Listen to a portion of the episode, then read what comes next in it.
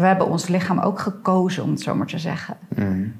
Elk aspect. En ook elke, dat geloof ik ook. Dus de ziektes die we hebben en de aandoeningen. Dat is ook iets wat het lichaam ons geeft om te groeien en te leren. En om bepaalde lessen te leren die de ziel wil leren in dit leven. En kun je eens een voorbeeld noemen van, van hoe een lichaam dan communiceert? Hoe gaat dat?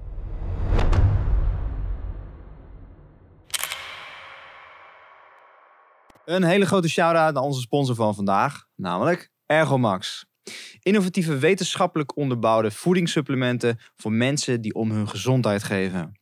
Dus de volgende keer dat jij supplementen gaat bestellen, ga je naar www.ergomax.nl en gebruik je de code Matthijs10 in kleine letters aan elkaar voor 10% korting op jouw volgende bestelling.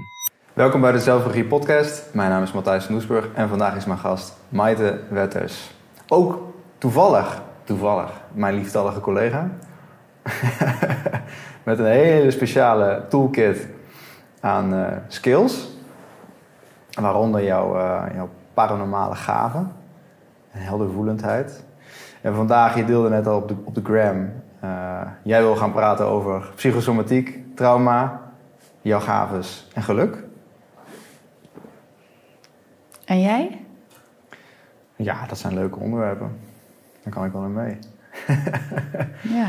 Ja, we hebben elkaar leren kennen via een, een eh, ayahuasca-ceremonie. Nou, daar heb ik gelijk mijn Oedipus-complex los mogen laten, mede dankzij jou. ja. En eh, sindsdien eh, zijn we eigenlijk op een rollercoaster van transformatie en ontwikkeling terechtgekomen. Toen ging je nog ook door de dag heen als transformatie- en loslaatcoach. Vandaag is dat, ja, heb je de bijnaam de Body Whisperer. Jij communiceert ook echt met lichaam en dat kan ik ook wel beamen. Dat het tamelijk lijf is wat, eh, wat jij kan doen met, eh, met lichamen. Ehm, dus misschien is dat een mooie om, mee- om mee af te trappen. En dat we van daaruit wat meer naar jouw biografie gaan. Om, eh, en van daaruit verder naar de onderwerpen die we net aantikten. Mhm. Dus kun je wat vertellen over jouw heldervoelendheid, mevrouw Wetters? Ja, zeker. Ehm, eh, even denken. Wat zou ik daarover willen zeggen? Het is soms een beetje een, eh, ja, een thema wat niet helemaal eh, gedoogd wordt of erkend wordt of over gesproken wordt. Ehm, maar zonder er heel zweverig over te komen, is het eigenlijk zo dat ik bij andere mensen vanaf een afstand een bepaalde energie kan voelen.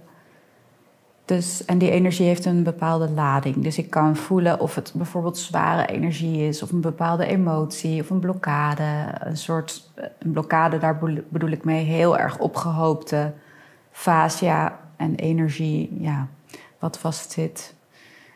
Ik kan hoofdpijn of pijnen waarnemen. En dat kon ik al vanaf, eh, ja, mijn vroege jeugd. Ik weet eigenlijk niet eens hoe, hoe oud ik toen was. Mhm. Maar het begon ermee dat ik eh, merkte dat de hoofdpijn, mijn hoofdpijn kwam als iemand binnenkwam en wegging als iemand wegging. En had je daarna nog steeds die hoofdpijn dan? Nee, nee.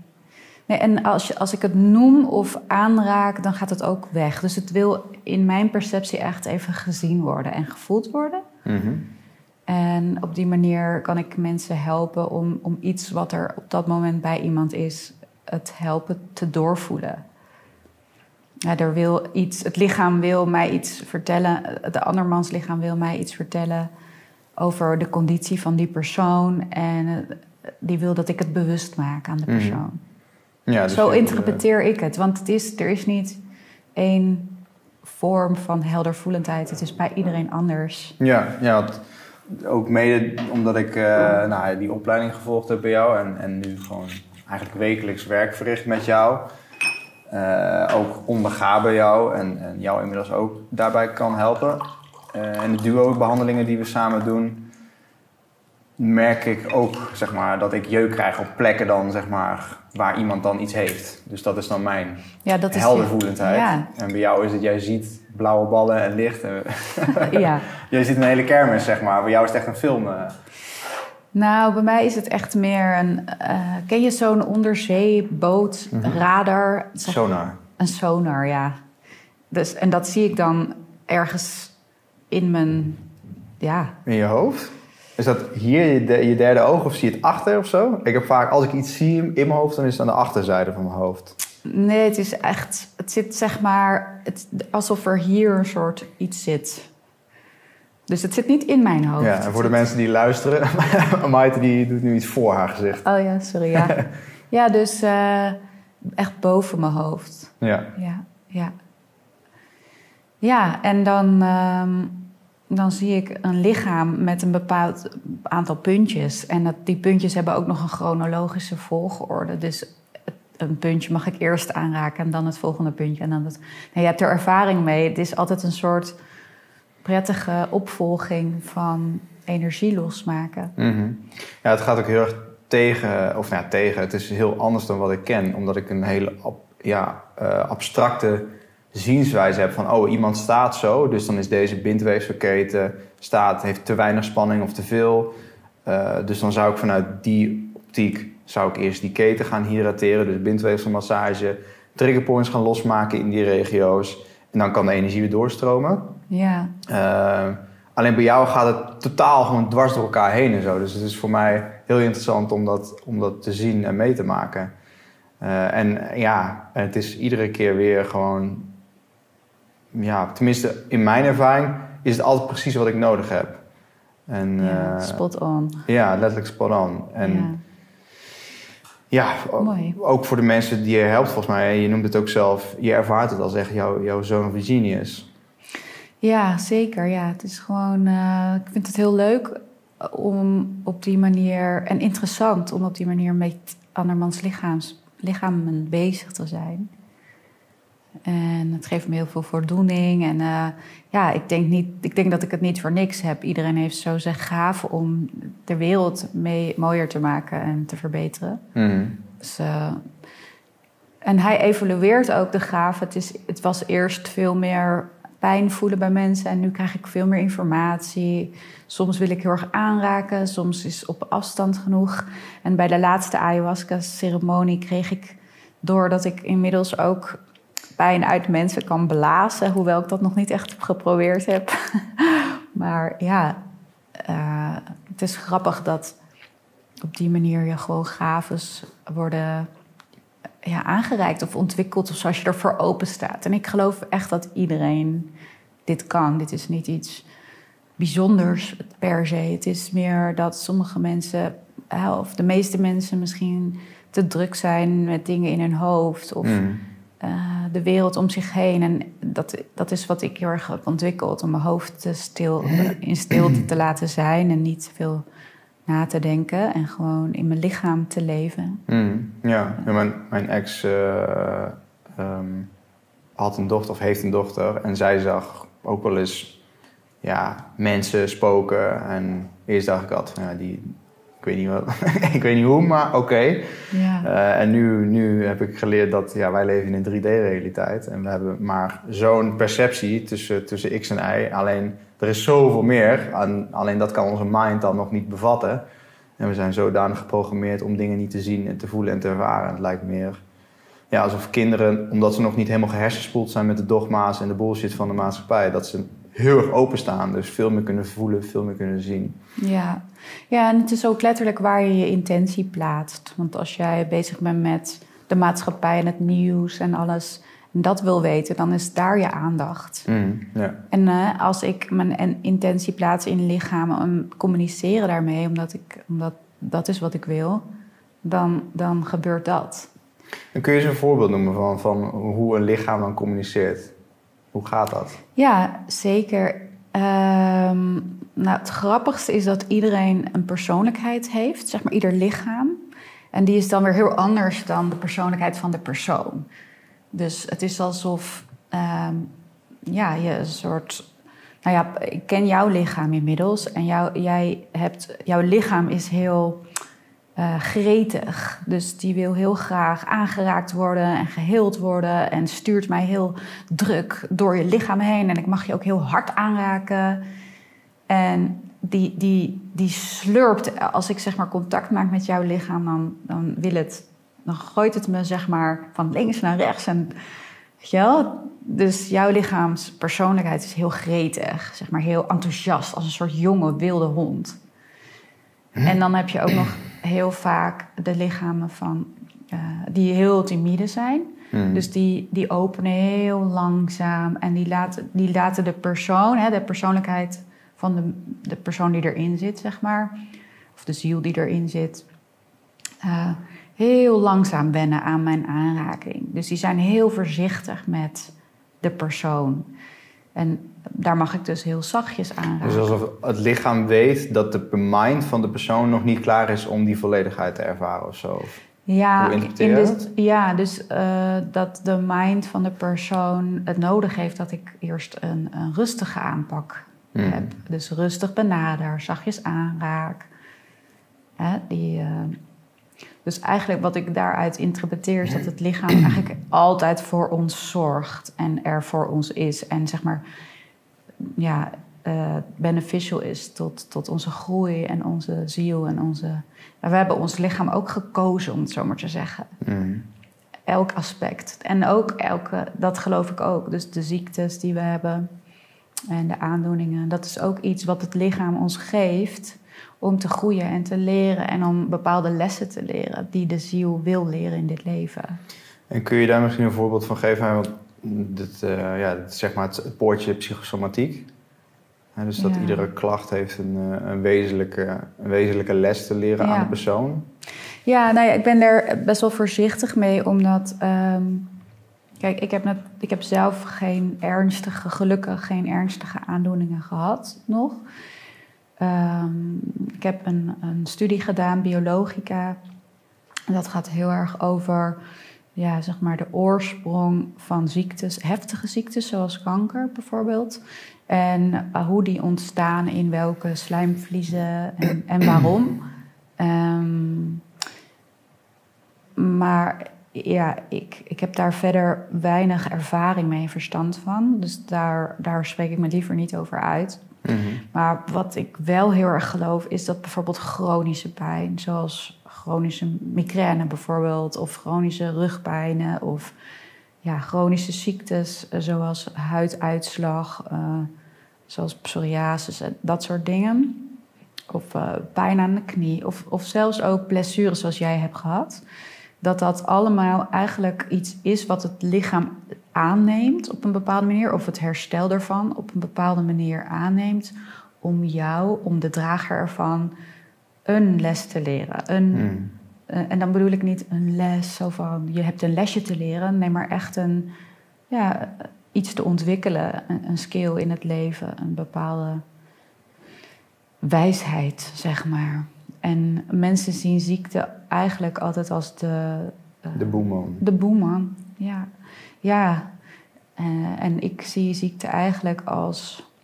ik zou het niet een blessing willen noemen, want het is, als ik ziek ben, dan voel ik dat ook niet zo. Maar ik stel me altijd wel heel erg open voor... oké, wat komt deze ziekte mij vertellen? Wat wil dit mij leren? Wat heb ik te voelen en te doorvoelen? Zo ook toen ik bijvoorbeeld corona kreeg... ben ik echt gaan liggen in bed en heb ik zeg maar, ja, alles door me heen en ik over me heen laten komen. Geen, ehm, geen medicijn of zo genomen, maar echt ondergaan. En ja, ook dan, ik kreeg toen, ik heb natuurlijk ervaring met plantmedicijnreizen. En ik kreeg bijna een soort ayahuasca-ervaring. Hè, dus in het, al het zweten en in het, ja, in het doorstaan kreeg ik ook de lessen door. En eh, dat ging dan echt over waarvoor deze griep is gekomen op aarde. En eh, ja, en, en nogmaals, het is mijn interpretatie, dus het is niet dat het de waarheid is. Maar op deze manier groei ik en leer ik en ervaar ik mijn lessen en mijn leven. En kan ik daarmee weer wat wijsheid doorgeven aan de mensen die daarvoor openstaan. Mhm. Ja. Ja. ja, zo heb ik die coronagriep ook wel ervaren, ja. Ja, Je was er natuurlijk bij, maar ja, ja, ja. Ja. gewoon, jij, eh, je had hem inderdaad ook als een soort...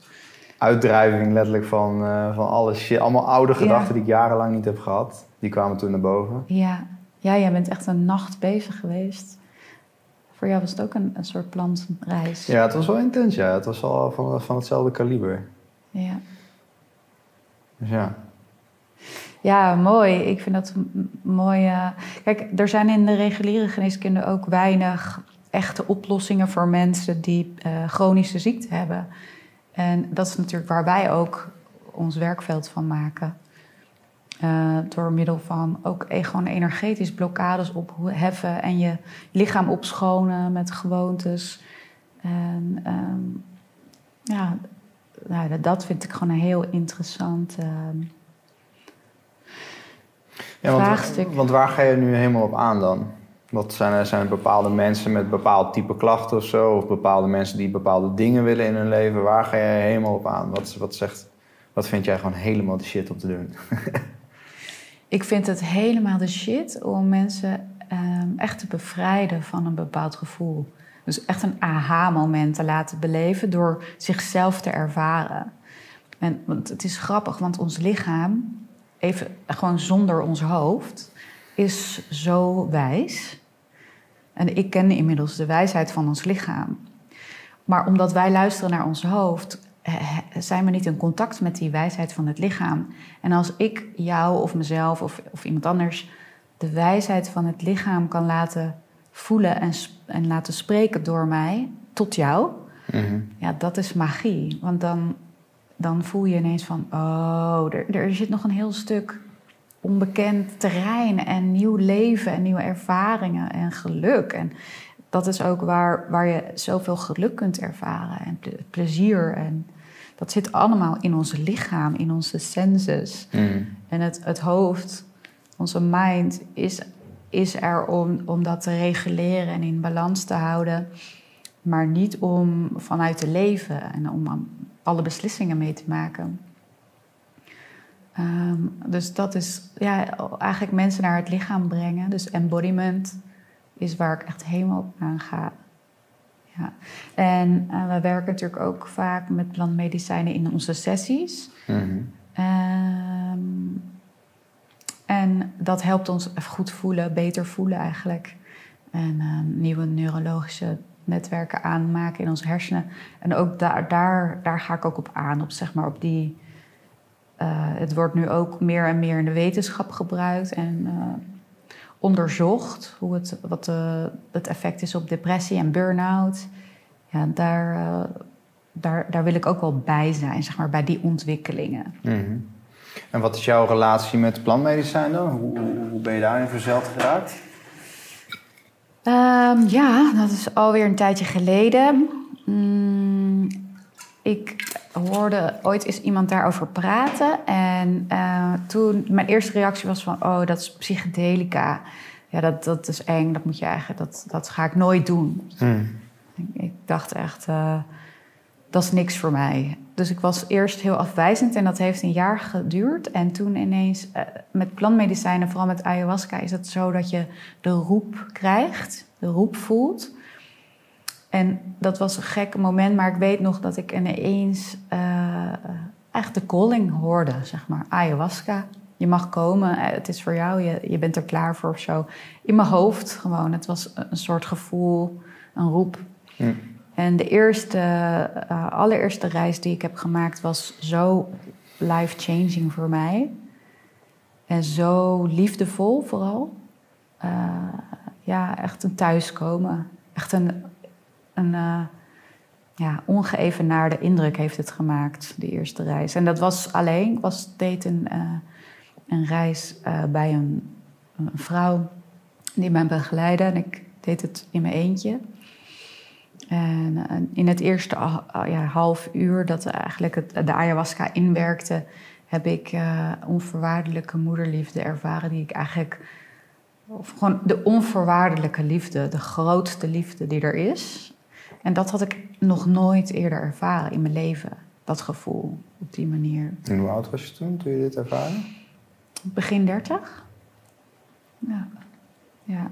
En ik kwam toen uit een leven vol eh, ja, drugsverslaving, middelenverslaving en eetproblemen, feest.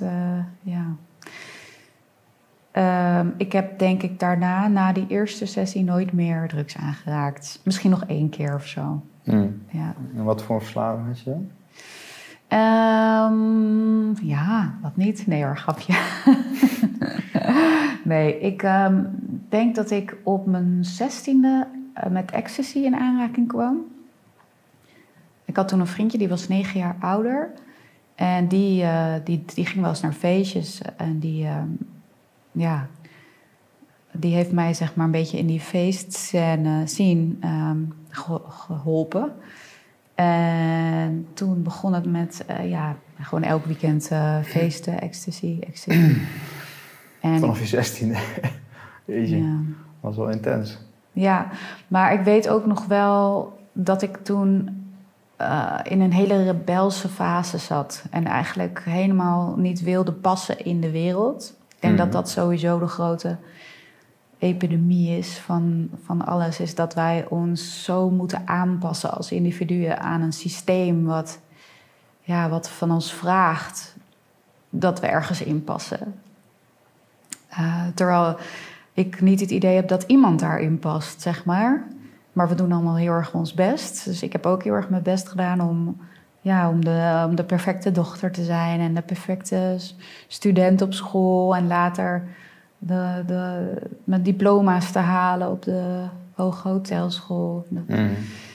En ik deed dat ook allemaal heel braaf. Alleen omdat ik voelde dat dat niet was wie ik werkelijk ben. En ik wilde dat eigenlijk ook niet. Ik wilde daar eigenlijk niet in passen op een bewust, onbewust of onbewust niveau.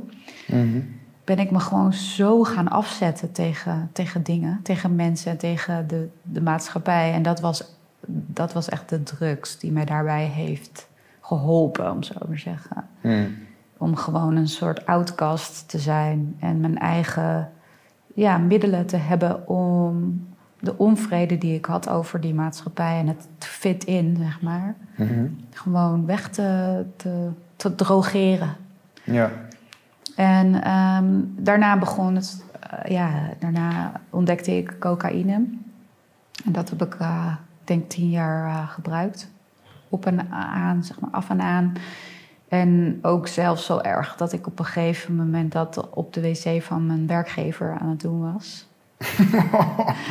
ik ben er niet per se trots op, maar het is wel gebeurd. En uh, het is wel echt een wereld van verschil. Als, als je, ja, ik, ik ken je natuurlijk heel goed nu, dus het is echt gewoon zo'n wereld van verschil. Ja. Dat, dat, waar je vandaan komt en wat je nu doet. Ja, het is wel grappig, want ik deed dat wel heel bewust. Dus ik, ik was eigenlijk bewust aan het rebelleren, ook tegen mijn werkgever. Weet je wel? Het was niet dat ik. Ik, ik wist gewoon van, ik zit nu op de wc heel stoute dingen te doen. Ja. En daar hou ik van. Ik, ik heb ook wel zo'n randje van, ik hou er wel van om ja, gewoon te rebelleren. Recalcitrant te zijn. Ja, heel erg. Gewoon tegen het systeem.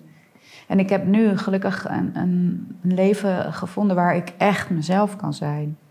En op het moment, ik merk ook zodra ik door iemand of door iets in, aan banden word gelegd, of dat, dat dat weer helemaal, hè, dat ik weer die rebellie voel, dat kan echt niet meer. Zeg maar. Ik moet echt die ruimte krijgen nu.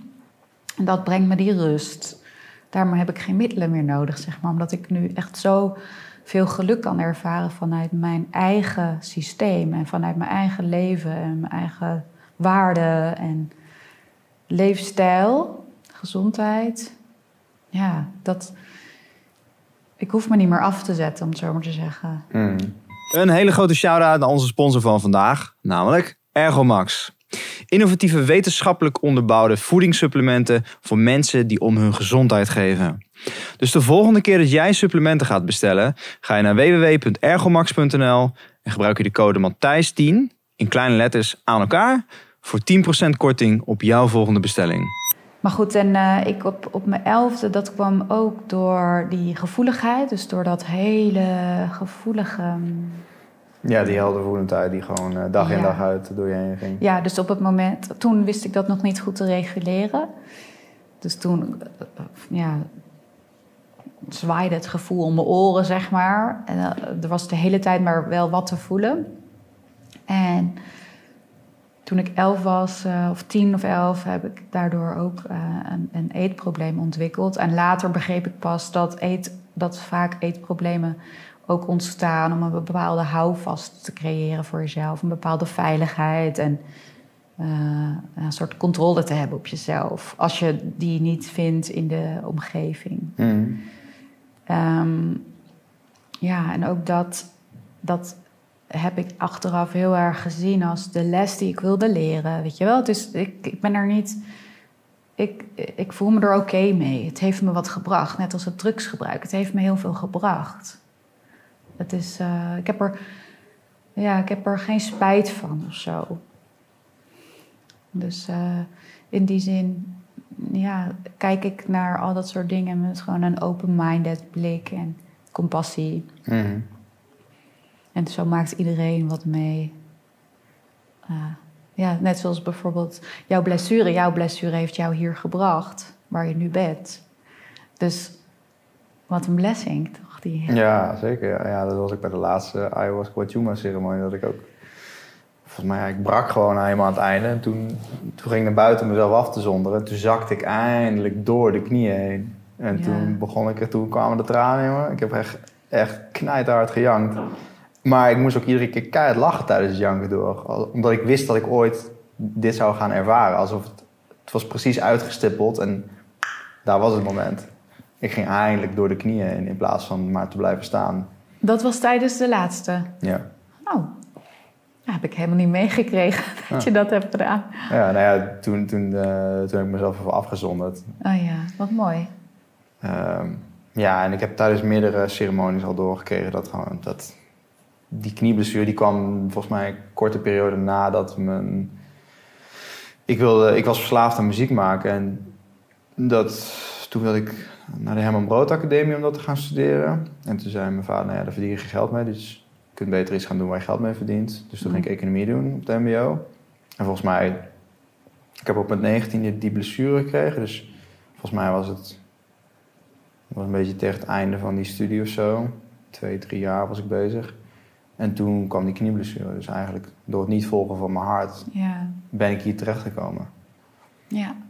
Ben jij eigenlijk nou ook nog van plan om wat te gaan doen met muziek?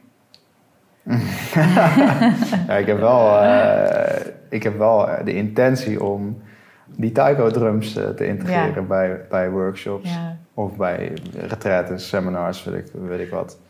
Nou, er staat een proefles, toch? Ja, er staat een proefles Ja. taiko drum. Ja, ik had wel laatst het idee om de gashouder bijvoorbeeld te vullen met allemaal van die taiko drums. En dan bijvoorbeeld eh Ja. microdose van psilocybine, ademwerk. Eh, Ja, maar dat gaat gebeuren. meditatie. Laten we dat gewoon organiseren. Ik heb, ik heb Stay met, tuned, eh, mensen. hoe heet het? Ik heb met Gerta van Leven Dus Nederland heb ik een bericht gestuurd. En ik heb Kirsten van Vrouw voor Vrijheid een bericht gestuurd. Ja. En Kirsten die, eh, die zei, nou, voorlopig organiseren we even niks meer. Maar het is wel leuk, leuk idee, een leuk idee en daar kunnen Ja. we wel over praten. Ja, tof. Dus ik heb in ieder geval, wel, eh, ja, dus dat. Dus, Ik hoorde, ik luisterde gisteren een podcast ehm, van Scooter Brown. Ken je die?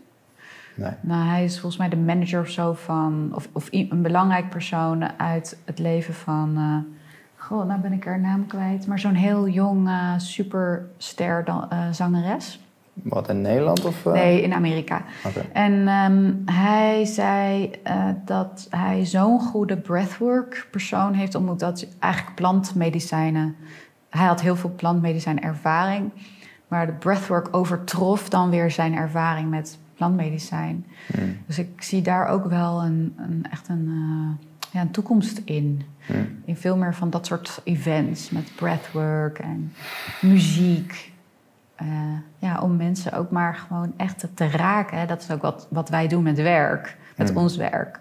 En wat ik, mijn doel is, is om ze gewoon echt diep te raken, zodat ze zichzelf weer ervaren. En dat is wat muziek doet, en plantmedicijn en breathwork. En mensen zijn gewoon het gevoel, eigenlijk de verbinding met zichzelf kwijtgeraakt Hmm. in de maatschappij. Of in, in deze drukte. En dat is, eh, nou ja, al die, die dingen die wij, hè, die, die jij nu ook zegt, zijn middelen om, om mensen gewoon weer in verbinding te brengen. Dus dat is mooi, kijk er naar uit. Ja. en wat is verder nu, wat zijn verder jouw doelen nu in het leven? Eh, nou, ik ben sowieso niet echt iemand die heel erg doelgericht kijkt. Ik ben heel erg in de, in de dag. Ik sta echt elke ochtend op en denk: haha, weer een nieuwe dag. Eh, wat ga ik vandaag doen? Hoe wil ik me voelen? Eh, waar heb ik zin in? Ehm, dus ik vind dat ook een lastige vraag. Eh, maar de doelen die ik heb is, zijn in ieder geval hebben te maken met meer mensen ehm, zichzelf te laten ervaren. En ehm, mijn eigen innerlijke ontwikkeling steeds verder uh, op een verder plan te brengen. En ja, mijn potentieel echt verder te ontwikkelen. Ik ben er nog lang niet. En wat betekent dat woord voor jou, potentieel? Nou, ik ben heel erg nieuwsgierig naar uh, wat, ik, wat ik kan in mijn meest potentiële versie. We hebben het er wel eens over gehad, hè? dus misschien is de meest potentiële versie van ons in dit leven wel een 5D-beleving, noem maar even wat. Of, een, uh, of uh, contact met aliens. Daar doe ik nu gekscherend over, maar ja, het zou zo, zomaar kunnen natuurlijk. En ja, ik geloof dat uh, dat hoge potentieel ontluid kan worden als je heel hoog vibreert. Als je je frequentie van je eigen lichaam en je geest heel hoog kunt uh, uh, inzetten, zeg maar. En wat bedoel je dan met hoog? Nou, gewoon hoog vibreren, dus snel. dus de frequentie die wij hebben, bijvoorbeeld, um, ik merk. Dus wij zijn allemaal trilling. Mm -hmm. Wij zijn energie en energie trilt. En hoe hoger jij trilt, dat is bijvoorbeeld 5D, is een hele hoge frequentie. En wij zijn er niet op afgestemd, op die frequentie. Wij mensen op aarde leven in de 3D-afstemming. Um, maar ik merk dat als ik heel hoog vibreer, uh, dat kan ik voelen. Dus dan voel ik me op een bepaalde frequentie. En dat heeft heel erg te maken met blijdschap, vreugde, positiviteit. Ja, je hebt thuis zo'n Abraham Hicks uh, ja. emotion, emotionele schaalhang of zo. En wat is het? Ja, geluk en vrijheid en dat soort dingen. Die staan helemaal aan de top van, van de frequentieladder. En helemaal onderaan staat angst. Ja, dus wij worden ook geboren in die hoogste uh, scale, uh, zeg maar, bovenaan. Dus wij worden geboren in een soort bliss state. En uh, op het moment dat dat je opgroeit en allerlei voeding krijgt binnen in, je systeem en uh, gedachten krijgt. Alles heeft een frequentie en voeding en gedachten kunnen een hele lage frequentie hebben, net zoals um, omgevingen bijvoorbeeld. Dus het ligt er maar net aan in welke omgeving jij je bevindt of met welke personen dat je je frequentie. En we zijn ook heel erg geneigd om onze frequentie af te stemmen op de persoon waar we mee omgaan. Bijvoorbeeld, in plaats van te blijven in onze hoge frequentie. Um, of misschien ook andersom. Hè. Soms kan je, als je je niet goed voelt, ga je naar mensen toe die je heel goed laten voelen of blij laten voelen. En dat heeft gewoon met dat frequentieverschil te maken. Mm -hmm. En elke gemoedstoestand heeft een frequentie. Dus bijvoorbeeld de, gemoed, de frequentie van alcohol is de frequentie van moed, moed, moedig zijn, zeg maar. En dat ligt in het grijze gebied. Dus moedig zijn is niet per se een, een hoge frequentie, maar wel hoger dan boosheid en haat en afgunst. Um, maar daarom drink ik bijvoorbeeld ook geen alcohol meer. Dus omdat ik altijd in de hoogste schaal zit. Een van de hoogste schalen van de emotiescale. Uh, en als ik alcohol drink, zak ik eigenlijk in frequentie. Mm -hmm. Als ik uh, een moeilijk gesprek heb of, of ergens ben, bijvoorbeeld op, in een drukke stad, in Amsterdam Centrum was ik laatst, ja, daar merk ik ook dat de frequentie gewoon lager is. En dat is niet goed of fout, daar gaat het niet om. Het gaat erom dat ik me nu heel erg afstem op een hoge frequentie en me daar heel goed bij voel. Mm. Maar is dat ook niet een projectie van jouw binnenwereld? Dat jij het centrum van Amsterdam als een lage frequentie interpreteert? Ja, dat is discutabel, want dat, dat, kijk, ik ben daarop gefocust en ik ben daarmee bezig. Als ik me gefocust zou hebben op ik heb een hoge frequentie en die blijft hoog overal waar ik ga, dan zal dat waarschijnlijk de realiteit zijn.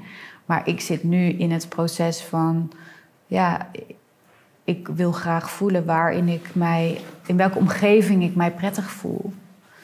En die omgeving is meestal een rustig gebied met gezonde voeding. En mensen die mij inspireren en boeken die mij inspireren. Mm. En dan merk ik dat ik hoog vibreer. En dat is ook de reden dat ik plantmedicijnen gebruik. Of gebruik, eh, ja.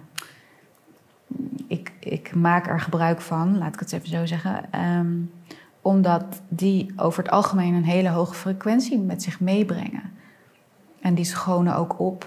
Mm. Eh, ja, en in die hoge frequentie merk ik ook dat ik meer afgestemd ben. Meer beter, beter helder voelend kan werken. Dat soort zaken. Dus voor mij is dat nu mijn, ja, mijn, mijn levensdoel geworden. Om, om afgestemd te zijn op mijn eigen frequentie, die heel hoog is en heel, die ik wil, heel hoog wil houden. Mm. En hoe gebruik je dit in het, in het onderwerp van manifesteren? Want dat is ook iets wat je Ja. doet of Ja. deed met mensen. Ja, ik heb trajecten gehad, inderdaad. Ik ben er nu van afgestapt omdat ik me echt wil focussen op alleen lichaamsgerichte trajecten. Eh, maar in principe, als je een, lichaamstraject, een lichaamsgericht traject doet, dan eh, krijg je een hogere frequentie. En in die hogere frequentie kunnen, kan je heel goed en snel manifesteren.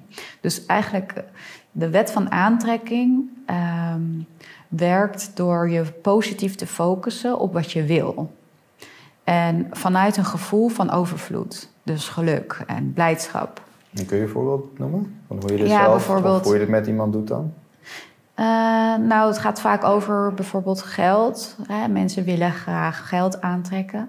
En als, als je zit op de frequentie of de gedachte van ik heb niet genoeg geld, dan zul je nooit meer geld aantrekken. Mm. Dus je hebt altijd op de frequentie te gaan zitten van wat ik nu heb is, is goed. En ik zou graag nog meer willen. Ehm, en dan heb je zelfs eh, ehm, nuances. Hè? Want willen, komt dat voort uit een ego-verlangen? Of wil je eh, je potentieel leven en heb je daarvoor eh, comfortabelheid nodig vanuit geld? En ehm, kun je dus, wil, heb, heb je de behoefte om meer te gaan geven. Dat is dan meer vanuit overvloed geld aantrekken. Dus dat leer ik mensen om, om zeg maar vanuit een plek van overvloed en hoge frequentie geld te manifesteren bijvoorbeeld. Je kunt naar mijn idee en ervaring alles aantrekken wat je wil. Dus inderdaad, zoals binnen, zoals buiten. Dus hoe je denkt, dat creëer je om je heen Mm. van hele kleine details, zoals hoe je met je kinderen omgaat en wat je idee is over de opvoeding, eh, tot eh, in je familie, tot in je huis. Het is alles wat jij, zeg maar, ja, onbewust ook denkt, manifesteert zich in je realiteit. Ja, en daarvoor is het dus heel belangrijk omdat je, wat je, je hebt net over die nuance van iets willen en, en wat je daarvoor noemde is van ik heb te weinig geld, dus ik wil meer geld. Ja. Ik heb al heel veel geld of ik ben heel dankbaar voor het geld wat ik al heb. Precies. Ja, het gaat vooral om dankbaarheid. Dus Ja. hoe help je dan, hè? want mm, ik ga natuurlijk nu, eh, nu het bruggetje maken naar de Sedona-methodiek. Ja, oh ja. Ehm, hoe help je om iemand dus die mindset los te laten en Ja. die overtuigingen, wat zo, ja, eigenlijk dat. Hoe help je om, om, om, om iemand dat los te helpen laten? Ja, nou laten we jou even als voorbeeld nemen. dus wat is iets eh, wat jij zou willen manifesteren op het gebied van geld? Ehm, nou, het gevoel wat ik nastreef, waar ik, waar ik, wa- wat ik heel prettig vind, is dat ik eigenlijk zorgeloos ben wanneer het gaat over geld. Mhm. Dat ik gewoon eigenlijk, hè, of ik nu een nieuw huis wil of een nieuwe auto, of, Ja. Eh, of ik wil Freek hier achter de, achter de camera's wil ik, eh, en, en Joren van de studio wil ik makkelijk kunnen betalen, zodat ik gewoon vette, inspirerende gesprekken kan hebben met mensen en wat kan delen aan de wereld. Nou een nieuwe keuze maken. Nou goed, daar is allemaal eens geld is daar, is daar handig bij. Het gaat allemaal Mm. een stuk makkelijker. Dus eigenlijk zorgeloos en ook biodynamisch kunnen eten en nou goed, et cetera. Gewoon mijn leven kunnen ja. creëren wat ik, wat ik verlang. Ehm, dus een bepaalde mate van zorgeloosheid is, is eigenlijk het gevoel wat ik nastreef. Ja, en dat getal zou dan, laten we zeggen, 10k per maand zijn. Ja. Dat is echt eh, ja. van zo. Ja. Dat zou nu, dit is nu mijn mindset. Oké, dus jouw doel is niet geld. Geld is het middel en jouw doel is zorgeloosheid. En op dit moment ervaar je dus geen zorgeloosheid. Klopt dat? Medium, ja. Zeg maar op een schaal van, zeg maar in percentage laten we zeggen, van 0 tot 100 procent. Mm, Nou, 65 procent. 65 procent. Dus er is een gat. Ja. Oké, dus wat we nu kunnen doen met de Sedona-methode is het gat loslaten. Want alles is een perceptie. Het is een illusie dat er een gat is. Want je zit hier heel comfortabel bij. Alleen jij hebt een verwachting en een bepaalde norm die niet klopt met jouw huidige situatie. En dat is allemaal mind. Dat is allemaal angst, ego, tekort. Dat is geen overvloed. Mhm. Eh, we noemen dit ook wel schaarste, schaarste mindset. En wat, ook, wat ik vaak zie is dat geld eh, wordt gezien als het doel. Maar dan streef je eigenlijk het doel voorbij. Want het doel is dat jij jouw zone of genius uitleeft in dit leven. En daar heel veel energie voor hebt en heel veel geld mee verdient. Mhm. Om dat te kunnen blijven doen. Hè, dus eh, je, je, jouw doel is om een comfortabel leven te hebben, zodat jij kunt geven. En spelen. Dat zijn, En spelen. De, dat zijn de grootste punten. Ja. Precies, precies. Dus voel nu eens in van dat wat ik binnenkrijg eh, staat voor mij in verhouding met wat ik doe. Voel dat eens. Klopt dat? Of zit er ook discrepantie?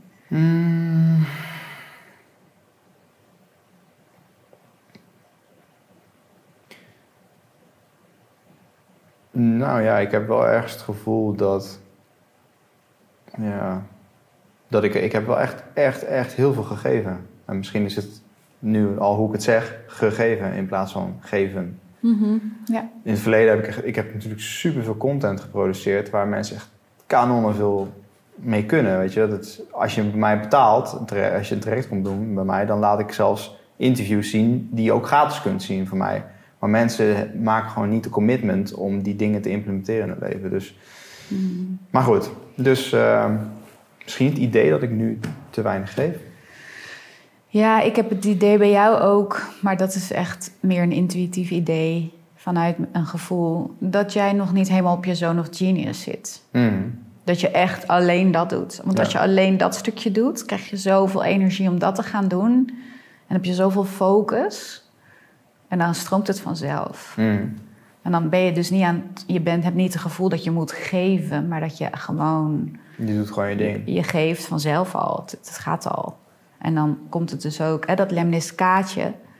Als je geeft, komt het ook binnen. Hmm. En geeft en binnen. Maar goed, laten we dan eens nu de Sedona-methode gebruiken om die tekorten die jij voelt. En je hebt er net eigenlijk twee tekorten geïdentificeerd. Hè? Tekort van, eigenlijk heb je het gevoel van ik heb te veel gegeven, ik krijg te weinig binnen op dit moment. Als ik het goed heb begrepen. En ehm, er is een, er zit een goud van 45, 35 procent op... ehm, ehm, nou, waar we het daarvoor over hadden. Mhm. Even Ja, over, over dat... Oh ja, goed. Ik weet dat je... Ja, precies. Je voelt nu een gevoel van tekort, toch? Ja, ja, ik voel het in mijn buik. Ja. Oké, dus dat gevoel mag je echt even ruimte geven. En Thijs en ik doen dit natuurlijk dagelijks, dus wij zijn al geoefend, maar het gaat natuurlijk nu even om het resultaat. Dus kun je omschrijven wat het buikgevoel eh, is voor jou? Ja, gewoon een bepaalde stagnatie, een ophoping van energie, zeg maar, die, die niet stroomt. Dus normaliter voel ik meer stroming door gewoon van mijn hoofd naar mijn voeten. Alsof er gewoon een, een, een elektrisch signaal gewoon circuleert. En nu voel ik hier dat er wat ophoping Ja. zit. Ja, oké. en kun je met je hele aandacht even daarin gaan en, en de ruimte vullen met die stagnatie? En voel maar of er ook wat onder zit. Normaal gesproken zouden we, als ik jou een lichamelijke behandeling zou geven, zou ik je ook nog fysiek aanraken in je buik. En dat helpt dan enorm, hè? ook bij het loslaten. Mhm. Dus jij raakt nu even jezelf bij je buik aan. En benoem maar wat je voelt. Ja, het, het voelt heel plakkerig. Mm. Plakkerige energie. Ja, Ja. alsof het vasthoudt aan iets. ja. En kun je voelen waar het aan vast wil houden?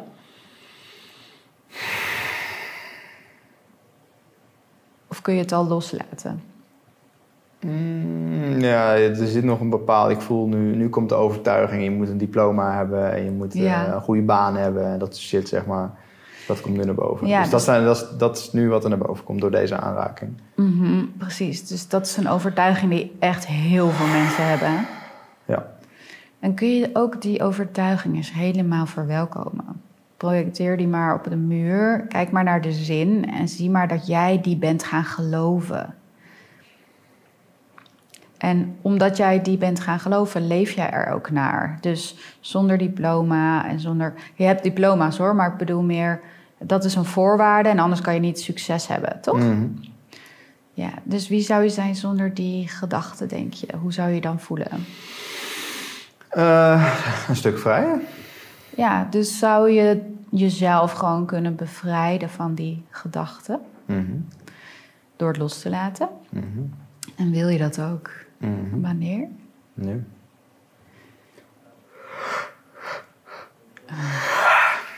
Ja, dus meestal is er bij het nu een soort release, een gevoel van verschuiving van energie, van loslaten. En wat voel je nu? Voel je nu je buik nog? Wat trekt nu de aandacht? Ja, en ik voel nu veel meer stroming. Ja. Ik voel nog wat aan de linkerkant, maar dat hoeven we nu niet gaan, gaan behandelen. Zeg maar. Nee, dus in principe is dit een sessie. Want als ik jou nu vraag, hoe voelt het nu? Om, zeg maar, hoe, wat is nu je mate van comfortabelheid in percentages? Op dit moment. 90. Ja, precies. Dus omdat je nu al veel comfortabeler voelt en eigenlijk dus niet vanuit schaarste eh, denkt, Mhm. kun je nu al veel beter gaan manifesteren. Ja. ja, dus je bent eigenlijk bezig om, hè, ook door middel van die aanraking, dingen waar de mind niet per se alle minuut bij kan, door die aanraking en iemand gewoon de hele tijd heel bewust te maken van zijn gevoel Ja. en zijn gedachten gewoon heel, ja, heel veel ruimte te geven, kan iemand onder dat verhaal zakken en uiteindelijk zit er niks meer onder behalve be- bewustzijn wat zichzelf ervaart. Ja, En is het een keuze om het gewoon los te laten. ja, Wat, waar, waardoor we natuurlijk uitkomen bij de Sedona-methode. ja. Een hele grote shout-out naar onze sponsor van vandaag, namelijk Ergomax. Innovatieve wetenschappelijk onderbouwde voedingssupplementen voor mensen die om hun gezondheid geven. Dus de volgende keer dat jij supplementen gaat bestellen, ga je naar www.ergomax.nl en gebruik je de code Matthijs10 in kleine letters aan elkaar voor 10% korting op jouw volgende bestelling. Ja, want wij hebben de Sedona-methode laatst samen opgenomen, een training. Dat klopt. Ja, we hebben inderdaad een cursus gemaakt. Moeiteloos loslaten. Waarin, eh, ja, waarin we dus uitleggen hoe dat precies werkt. En waarom, ja, dit dus, hoe je dit dus in de praktijk kunt gebruiken. Inclusief meditaties, zodat je dit gewoon lekker Ja. thuis kunt doen. Of in de, ja, lekkerste thuis, als je gewoon een moment hebt om te zitten. Ja, en die meditaties die zijn echt voor hele specifieke gevoelens. Dus als je een angst hebt die jou belemmert om iets te creëren of manifesteren, kan je dat specifiek loslaten. Of als je je onveilig voelt, of als je boos bent. Ja, dus eigenlijk die, die, die emotieskill van Abraham Hicks, die kunnen we gebruiken. Ja, Om al die emoties ja, eh, om te zetten in iets, in iets in overvloed. In plaats Ja. van overvloed aan angst, overvloed aan geluk. ja. En we hadden het erover dat eh, mensen die deze podcast luisteren een korting kunnen krijgen op de training, toch? Dat kan. Ja. Zullen we iets, eh, wat zullen we doen? Ja, wat Zullen we er doen? iets leuks van maken? Ja, we, we kunnen als introductiekorting kunnen we een korting van... ik- hij staat nu 279 euro. Ja. Maar we kunnen een korting geven van 179 euro. Dus dan betalen mensen. 100 euro. Oh ja. Oké. Om eens weggewijs te worden. Ja. Ja. Ja. Wij zijn natuurlijk al... Wij gebruiken hem iedere dag, dag in dag uit. Ook met de mensen die we behandelen. Dus enerzijds... eh, ja, het, het lichamelijke werk. Dus bij jou is dat aanraking. Nou, Ja. als we samen mensen behandelen is aanraking, aanraking. Soms gebruiken we TRE Ja. om, eh, om, om dat lichamelijke stuk te doen. En de training eh, zit bij jouw traject gratis in, toch? Ja, hij zit bij het zelfregie groepstraject zit hij er gratis bij. Ja. En ook bij mijn eh privé traject. Ja, precies. Ja. En- Maar goed, wat misschien handiger is, dat we de Sedona-methode even uitleggen. Want ja, mensen die zitten nou zo. Ja, ja, ik heb natuurlijk met Wesley heb ik het ook even gedaan. Die is inmiddels Ja. al voorbij gekomen als, eh, als dit gesprek online komt. Maar voor de mensen die dat gesprek niet hebben gezien of geluisterd... Wat is de Sedona-methode precies? Ja, ehm, de Sedona-methode is eigenlijk een super simpele methode. eh, ooit bedacht door Lester Levinson. En die man ehm, die is geboren in Amerika en heeft eh, op zijn 42ste of zo een diagnose van een dokter gekregen dat hij nog twee weken te leven had. En eh, op dat moment wilde hij heel graag weten: oké, als ik nog twee weken te leven had, wie ben ik dan? Wie ben ik echt? Wie is de werkelijke Lester? En hij wist natuurlijk niet het antwoord daarop, maar doordat hij is gaan vragen, zichzelf is gaan afvragen: wie, ik ben in ieder geval alles wat ik niet ben, zeg maar. Dus nee, zeg maar, alles wat ik niet ben, ben ik in ieder geval niet. Dus Mhm. dan blijft er over wat ik wel ben. En toen is hij eigenlijk door hele simpele vragen. Ik merk dat je bijvoorbeeld ook het woordje loslaten niet per se hoeft te gebruiken. Je kan ook bevrijden gebruiken. En je kan ook de, kan ik het loslaten, wil ik het loslaten en wanneer verkorten naar alleen maar wil je het loslaten en wanneer. Dus dit, hij heeft een bepaalde vraagstelling bedacht, waardoor hij loslaat wat hij niet is. En je bent natuurlijk niet je emoties, je bent niet je gedachten, je bent niet je ziekte, je bent niet je diagnose, je bent niet wie je denkt dat je bent eh, in conditioneringen, normen, waarden en opvoeding. na, na, na. Mhm. En we zijn allemaal, ja, we zijn allemaal liefde en licht. We zijn onze ziel en bron, zeg maar.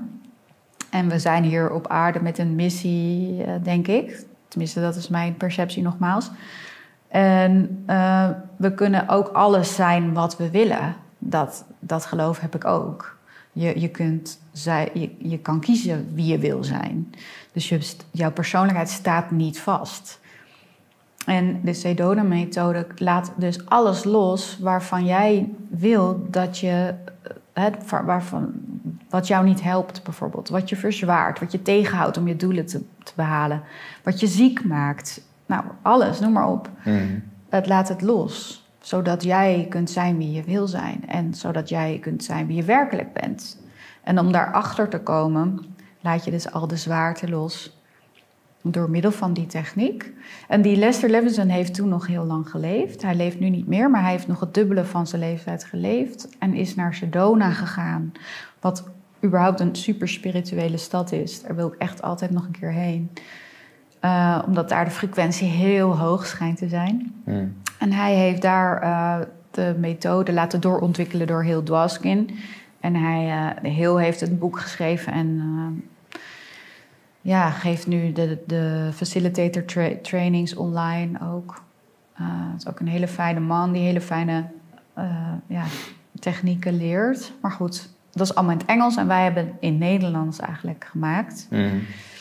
En ja, die Sedona-methode heeft mijn leven in ieder geval eh, ja, echt zo geholpen en verbeterd. En ik kan daardoor, ja, ik, ik heb daardoor mezelf helemaal kunnen herontdekken en, en vinden en verbinden met mezelf. En jij ook, toch? Je hebt ook een hele goede... ja, ik ben ook wel aardig lyrisch over de, ja. over de methodiek, ja. Ja, klopt.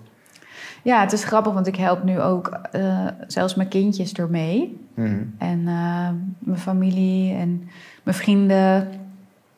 Eh, het is gewoon een hele snelle en fijne methode. Ik moet natuurlijk uitkijken om niet heel erg in die coachrol te gaan van kan je het loslaten gelijk. Maar Ja. juist omdat je het heel veel ruimte geeft en omdat dingen er heel erg mogen zijn. Mhm.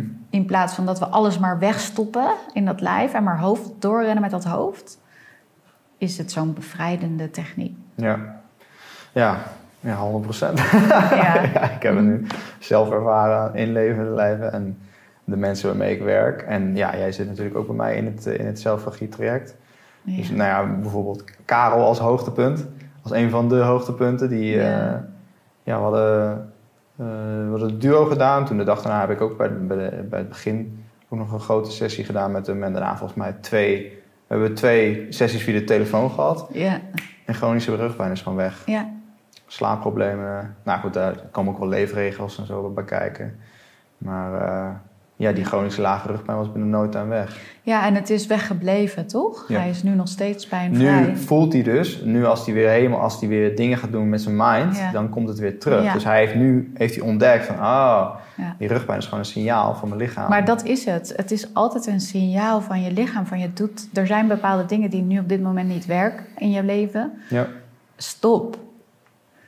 Dat is, dat is een mooi voorbeeld. ja. ja, dus het enige wat je, wat, ja, wat je dan doet met zo iemand is dat je juist naar de angst gaat, juist naar de pijn gaat, juist naar de pijn. Ja, dan uiteindelijk komt vanzelf wel, komen de overtuigingen naar boven. Die kun je loslaten. Ja, En dan wordt het dus de integratie in het leven. Oké, nu weet ik dit, nu heb ik een bewuste keuze. Ga ik weer mind of ga ik gevoel?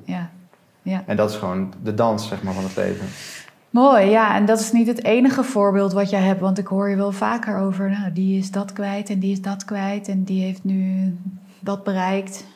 Dus dat doe je goed. Ja. Dat is wel echt bijzonder aan zo'n traject.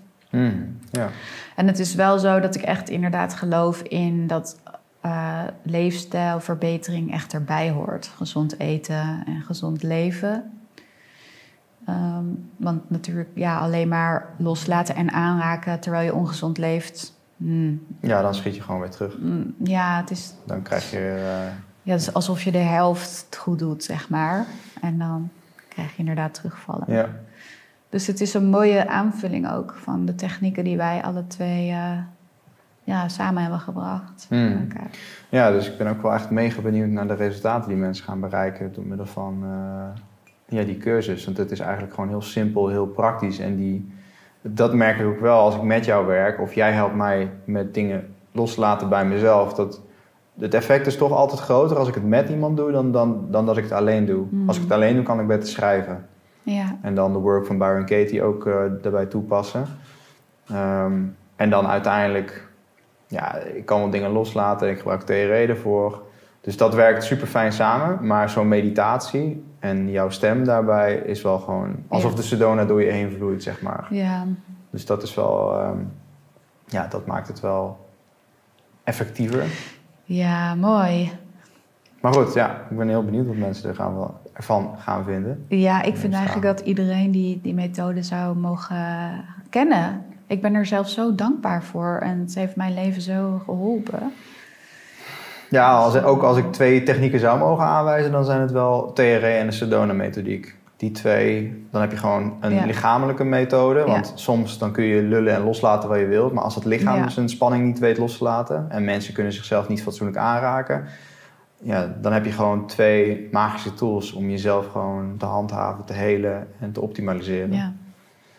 Maar ik moet ook wel zeggen, Thijs, die, sinds ik rood licht en zo gebruik en ehm, die bril, hoe noemt dat, blue blocker en gewoon dat soort simpele methodes. Eigenlijk simpel, omdat het gewoon een kleine aanpassing is. Ook dat heeft mijn leven weer geoptimaliseerd. Hmm. En gewoon die waterfilter en eh, het, zeg maar het eten van ach, veel eiwitten in de winter. Nou ja, dat is ook dat is, is zo'n aanvulling. Zo, en is ook weer zo verhoging van, van mijn trilling. Hmm. Goed voor een verhoging van mijn trilling. Ja, Dus dank je wel ook voor al die kennis. ja, Ja, alsjeblieft. ja dank je. Ja. Hey, om naar het eh, einde van het gesprek toe te spitsen, heb ik altijd een stel vragen die ik eh, aan iedereen stel. Oké. Ehm, waarvan de eerste is. ehm, ja, laat ik die eens omdraaien. Beste en de uit je leven. Oké. ehm, nou, de beste dag, ik denk dat dat iets is geweest met eh, mijn kinderen. Dat ik zwanger was of dat ik eh, bevallen ben. Zeg maar dat is wat in me opkomt. Hmm. Dat is gewoon life, zo life-changing en zo diep. En dat was nog, nog, een, nog intenser dan eh, een ayahuasca-ervaring, zeg maar Ja. zo mooi. En ja. En de slechtste dag van mijn leven. Eh, ik denk zoiets van dat ik hoorde dat mijn ouders gingen scheiden. Zo, eh, dit is wat er nu bij me opkomt. Ik heb, ik heb niet echt per se een specifieke dag Mm, of iets meegemaakt. Ja. Ja. Oké. Ja. Wat, me trouwens nog wel te binnen schiet, is wat ook nog wel benoemenswaardig is, vind ik zelf. ja. is dat, eh, omdat je het net over je zwangerschap had, je, je- jouw zoon heet Wolf Ja. en je dochter heet Nera. Ja. Mijn ex heet Maaike Westhuis. Ja. Eh, En wilde een kind. wilde een kind en die wilde ze Wolf noemen. Ja. En eh, toen kwam ik jou tegen en jij heet Maite Wetters, ook weer MW. Ja. Jullie vaders waren allebei makelaar en jij hebt toevallig een zoon en die heet Wolf. Ja. Ja, bizar is dat, Dus hè? dat is, eh, dat is gewoon mooi. Dat is zeg maar weer een grapje van het universum. Bizar van- verhaal, ja. Kijk, dit is je volgende les. Veel succes. ik maak het nog even duidelijker, want ongeveer dezelfde naam en zo. En eh nou, het, Ja. hè, knipoog. Ehm, Ja. Komt de volgende vraag. Ja.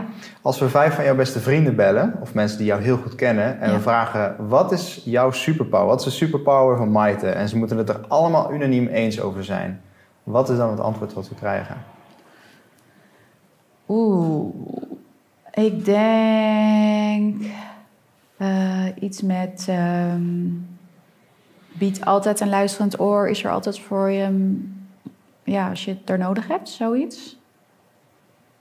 Ja. Oh, lieve vriendin. Hm, Ja, zoiets. Ja, maar dat betekent jouw naam ook, hè? Ik Ja. heb je lief. Klopt. En wat betekent jouw naam? Mijn naam betekent geschenk van God. Ja, ja, dat was het. Ja, toch? Nou, dat ben je ook. Ja, lekker. Ja. Ehm, als ik jou een magische telefoon zou kunnen geven, Maite, en je kan in één keer met je 23-jarige jij bellen, ja. wat zou je haar dan vertellen? Wat voor advies zou je haar geven? Oh, dat ze niet zo onzeker hoeft te zijn en dat het leven echt fucking leuk is. En dat, eh, dat het allemaal goed komt. En dat ze zich nergens zorgen over hoeft te maken. Iets minder nakken. Ja, ja. Nou, dat niet eens. Nee, dat niet eens. Nee hoor. Ja, dat is natuurlijk ook het gevolg van. Ja, ik zou juist zeggen, geniet, geniet. Ja. Geniet voor het te laat is, want we, doen, we zijn allemaal zo fucked up, jongen. En, eh, we zijn gewoon... Dat klinkt ook wel een lekkere overtuiging. Nee, maar ik bedoel, als we zo jong zijn... Ik, heb ook, ik werk echt veel met jongere mensen. Van 15 of van, zelfs van 12 tot 19. Mm. En die zitten al zo erg in hun hoofd. En moeten aan zoveel dingen voldoen. Van school en van ouders en van de maatschappij. Het is echt, echt zielig. En ik was, had dat ook. Mm. Dus chill hem the fuck out, want het komt wel goed. Het is, je jeugd is juist om te ervaren en te, te, te spelen en te, te leren en te leven. Mm. En niet om jezelf in een plaatje te moeten te passen, zeg maar, in een keurslijf waar je gewoon niet in past. Mm.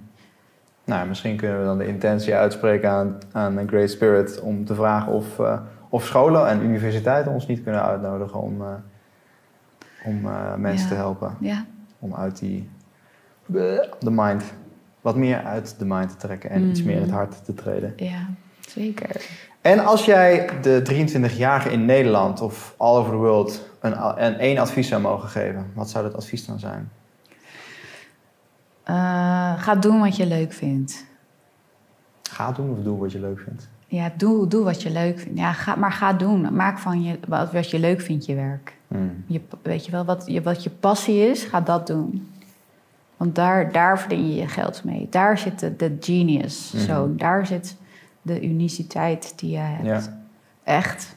Dat is waarvoor je op aarde bent. Ja, ik denk dat een toevoeging daaraan is dat, dat het kan heel lastig zijn de eerste jaren. Het kan pittig zijn, Ja. maar echt uiteindelijk is dat gewoon allemaal waard. En als je daar niet doorheen durft te gaan, Ja. dan ga je dat ook nooit bereiken en ervaren. En nee, en als jij iets doet wat je heel leuk vindt, maakt het niet uit dat het pittig is. Want je vindt het leuk. Hè, misschien verdien je misschien niet superveel geld ermee, maar dan kan je ook weer loslaten met onze methode. Of Ja, en er zijn zo fucking veel manieren om, om geld te verdienen met wat je Ja, vet vindt. En weet je, ja. die lineaire manier van... Vroeger dachten mijn ouders, ja, je kan alleen maar geld verdienen als je conservatoriummuzikant bent of zo. Of als je super populair bent en, en de wereld rondgaat. Ja, de Golden Earring is een van de weinige voorbeelden die geld verdienen. Ja, Ja. hoe groot is de kans dat jij Golden Earring wordt, jongen? nee, maar dat is dus allemaal Ja, dus weer- dan is het al gelijk, hup, wegdroom. Kapot gemaakt. Ja, maar dat is zonde. want Dat, dat zijn al die conditioneringen. Mhm. van, van onze ouders. Ja. Ik leer mijn kinderen ook gewoon: ga maar doen wat je leuk vindt. Eh, maakt niet uit of je, of, je, of je geld ermee kan verdienen. Of, Hmm. Maar doe niks wat je niet leuk vindt, dat in ieder geval. ja. Soms moet je de afwas doen of zo, ja, maar dat bedoel ik niet. Nee, ik wou net zeggen, er zit ook wel een nuance in. Ja, Niks wat je niet leuk vindt. Ik bedoel, het zijn ook gewoon wezenlijke Soms zijn er praktische Levenstaken. Ja, om te overleven, om te leven, om gewoon een dak boven je hoofd te hebben, ja. je familie te helpen. Maar zelfs daarin, hè, ik ben nou echt helemaal niet goed in praktische zaken. Kun je dat loslaten, die overtuiging? Ja, zeker. zeker. Maar ik wil er ook niet goed in zijn. Ik vind het gewoon niet interessant. Het geeft me geen energie. Dus ik besteed het heel graag uit. Ik geef heel graag mijn geld aan mensen die dat goed kunnen. Mhm. Zodat ik nog meer kan doen vanuit wat ik wel heel goed kan. Ja. Dus ik heb ook een schoonmaakster. Ja, die Ja, gewoon de afwas en die doet. spreekt alleen Spaans, en jij spreekt ook Spaans. Dus dat is Ja, ik vind het allemaal heel leuk, dit gewoon. Lekker Ja. Spaans lullen met mijn schoonmaakster die lekker aan het boenen is. En dan kan ik weer, Ja, kun je weer die, werken. eh, die muziek, ja, eh, van, muziekje eh, aan. die gladde Spaanse muziek luisteren. Ja. ja, bachata of zo, weet je wel. ja, ik weet niet hoe die gozer heette die, die, had, Oh, die had aanstaan. Ja, Enrique Iglesias, bedoel je die? Nee, nee, nee, nee, die andere. Oh. Maar goed, maakt er ook niet uit. Ja. Ehm, Oké, nou ja. Ja, ik, kan, ik kan je eigenlijk alleen maar eh, diep, diep, diep, diep, diep, diep, diep bedanken uit de grond van mijn hart. Want echt sinds ik jou ken is mijn leven echt zodanig getransformeerd. Dat ik echt uit het werknemerschap ben gestapt. En in het onder, wat meer in het ondernemerschap, of wat meer in het ondernemerschap. ja. Ik heb nu totaal losgelaten dat ik een, een, een baan nodig heb, zeg maar, om te overleven. Mm. Of te overleven. Om gewoon Om rond te om komen. te floreren. Ja. En nou ja, ja, ja er is zo on- onwijs veel. eh, ja, de Sedona-methode en jij waren echt de, de icing on the cake tot op heden voor mij. Om al die kennis die ik opgedaan heb ook iets te vinden zodat ik. Ja, voorheen zet ik heel erg andere mensen op het podium. Van, ja, dan moet je daar en daar. En nu heb ik voor het eerst ook in mijn leven. Ja, ik kan, prima, ja, ik kan je prima helpen, jongen Ja. of dame. Dat, Ja. eh, en dat, dat is nu al inmiddels al bewezen met, eh, met een x aantal mensen. Dus. Mooi. Dus ja, dus dankjewel voor dat wat je doet. Dankjewel voor je pad. En, ehm, Alsjeblieft. Ja. En ik hoop dat we nog heel veel mensen mogen verlichten en, eh, Ja. naar, eh, naar de 5D-realiteit. Want dat is wel een wereld die ik wil graag creëren. gezondheid vooral en beleidschap en vreugde. Tuurlijk, maar dat is onderdeel van. Ik weet niet of iedereen naar de 5D wil, hè? Ja, nou ja, dan creëren we die eigen wereld. ja. Ja, Dus- dankjewel. Hoe kunnen mensen jou vinden? Ik heb een website, maitewetters.com. Ik heb Instagram, maite.transformatiecoach. Eh, en in jouw, eh, in jouw eh, zelfregie academy sta ik. Mhm. Met een training en allerlei events. Ja. ja. Ben benieuwd wat, er nog allemaal, wat we nog meer gaan creëren. Ja, En ja, als je een traject doet bij mij, dan krijg je Maite erbij. ja, In het goede zelfregie groepstraject geef je ook les. ja. Ehm, ja, de duo-behandelingen, die, die doen we samen met mensen. Dus ja. we zijn bezig met een nieuw traject. Moeten we nog even kijken. ja, dat komt, Ja, komt tegen die tijd dan. ja. Goed, bedankt voor het luisteren, bedankt voor het kijken. Als je nog vragen hebt, dan voel je vrij om gewoon uit te reiken via jouw gram. Daar ben je redelijk actief. ja. Eh, of eh, zet ze onder in de comments. Of stuur me een mailtje naar info.matthijsvandoesburg.com. Bedankt voor het lachen, bedankt voor het kijken. en tot de volgende keer.